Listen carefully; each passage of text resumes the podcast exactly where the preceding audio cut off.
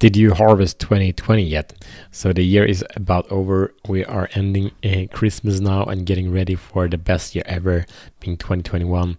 I'm really excited and we share some powerful questions to really be able to harvest uh, 2020 and charge up for an amazing 2021. So, so welcome to Show the Fuck Up podcast. My name is Matt Fridon and this show is for men that are ready to free themselves from the prison of playing small and unleash personal greatness. So uh, when speaking to men, a lot of guys are charging forward, uh, charging with curiosity and excitement, and so on and so forth. And that's pretty cool. But the truth is that the the most powerful state is not depressed or excited; it's present. And in present is the this gets a bit philosophical than, than we take it to the practical. Uh, the present isn't changing, uh, therefore the mood or the intensity isn't changing either. I don't master this at all, but I'm really curious about diving deep into it. So, so in the present moment, there is a constant. Like if you go to the basis of the constant, is that there's always the same amount of energy in the universe. Uni- energy cannot be created nor destroyed. It can change uh, form, and that is it. That's the uh, energy principle. So that since that is also true within me, I heard some story about that kind of in, in me I have enough energy to power U- Europe with with electricity for a week or something like that. It sounds crazy. I don't have the proof of that. But anyway, the the point is that things are not not changing.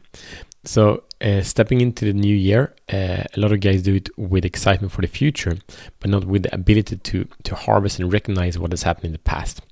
And the, the cost of this is that many men keep repeating the same things, keep repeating the same thoughts and the same emotions, meaning they repeat the same actions, meaning they repeat the same results. And that's really boring, right? Because that is actually not allowing oneself to tap into one's potential, but staying in the old treadmills. And quite often we have a root um, identity, we have a root fear that is holding us back from uh, showing the fuck up. And the basic ones are, you know, fear of not being good enough, or fear of abandonment, or fear of outshining, what's the fourth one? It's the fear of that uh, success is a bigger burden. Uh, so usually, one of these four fears is holding us back from actually being able to to level up. But we can still do it. And one really powerful framework that I invite you to uh, today is to check in on the year that has almost passed and, and also check into the year that is about to come and then identify from this year what do you want to stop. And that means what are things that have taken too much energy from you? What are things that that um, doesn't serve you doesn't bring you closer to your goals that actually is holding you back from who you want to be? And um, so it can be people places experiences that is holding you back. It can be you know the habits it can be sedation it can be whatever it is. So what are the things that actually doesn't move you in the right direction? And are you willing to stop them Another question that comes down to that is okay, so these things that you've been doing, they've actually satisfied needs. How are you going to take, take care of this need? Because, say, if you eat chocolate if you're, and you're going to stop eating chocolate, you had a need of that. So you will need to replace that because all actions are based in needs. And and we can change strategy, but we need to be aware and change the strategy so need is still met on a higher, more constructive level. That's number one. Number two is start. So what is something that you have been wanting to start for a long time? You know it's an important thing. It could be working out, eating healthier, um, dating, uh, communicating, asking for help, getting a coach. it could be to uh, move, uh, get a new job, start a business, whatever it is, right?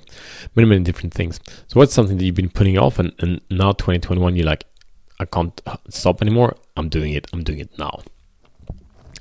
And then something that's really, really important is also to continue because with, and I think this is something that really we don't put enough intention to because stopping and starting that's like attractive, but the continuing there, they will actually recognize like I'm actually been doing really, really good, you know, you know, we stopped like, ah, that suck, I've been sucking, and start is like, ah, I'm so lazy. Why didn't I do this? I need to start. So those are kind of coming from a negative place of judgment. But the continuing is really a celebration. Like I've been doing something awesome. maybe I just did it once or twice and I want to level it up. But I've still been doing it. So there's a recognition that I'm actually moving in the right direction. And now I can see it. Now I want to put more effort, love, and attention to that. So by identifying these three very simple things, uh, you don't need to overdo the list. You can have the core three on each. And that will give you an immense focus for the coming year. And focus, with focus, uh, it comes from will. So will focus, and, and from that we get uh, results because our thoughts and our feelings get moved in the direction of our will. So, great work. So, your mission, should you choose to accept it, is to identify what do you want to stop, what do you want to start, what do you want to continue, and then take action. So when you identify that, take massive action. It can be put a date in a calendar, make an appointment with uh, with a friend or financial advisor, whatever, you, whatever it is, right? Or send me send me an email because you want support to show the fuck up as the man that you're meant to be. You, you do you do you do whatever, but make sure that when you made that list, don't just leave it. Take action as well. And share this episode with a man that is ready to free himself from the prison of playing small.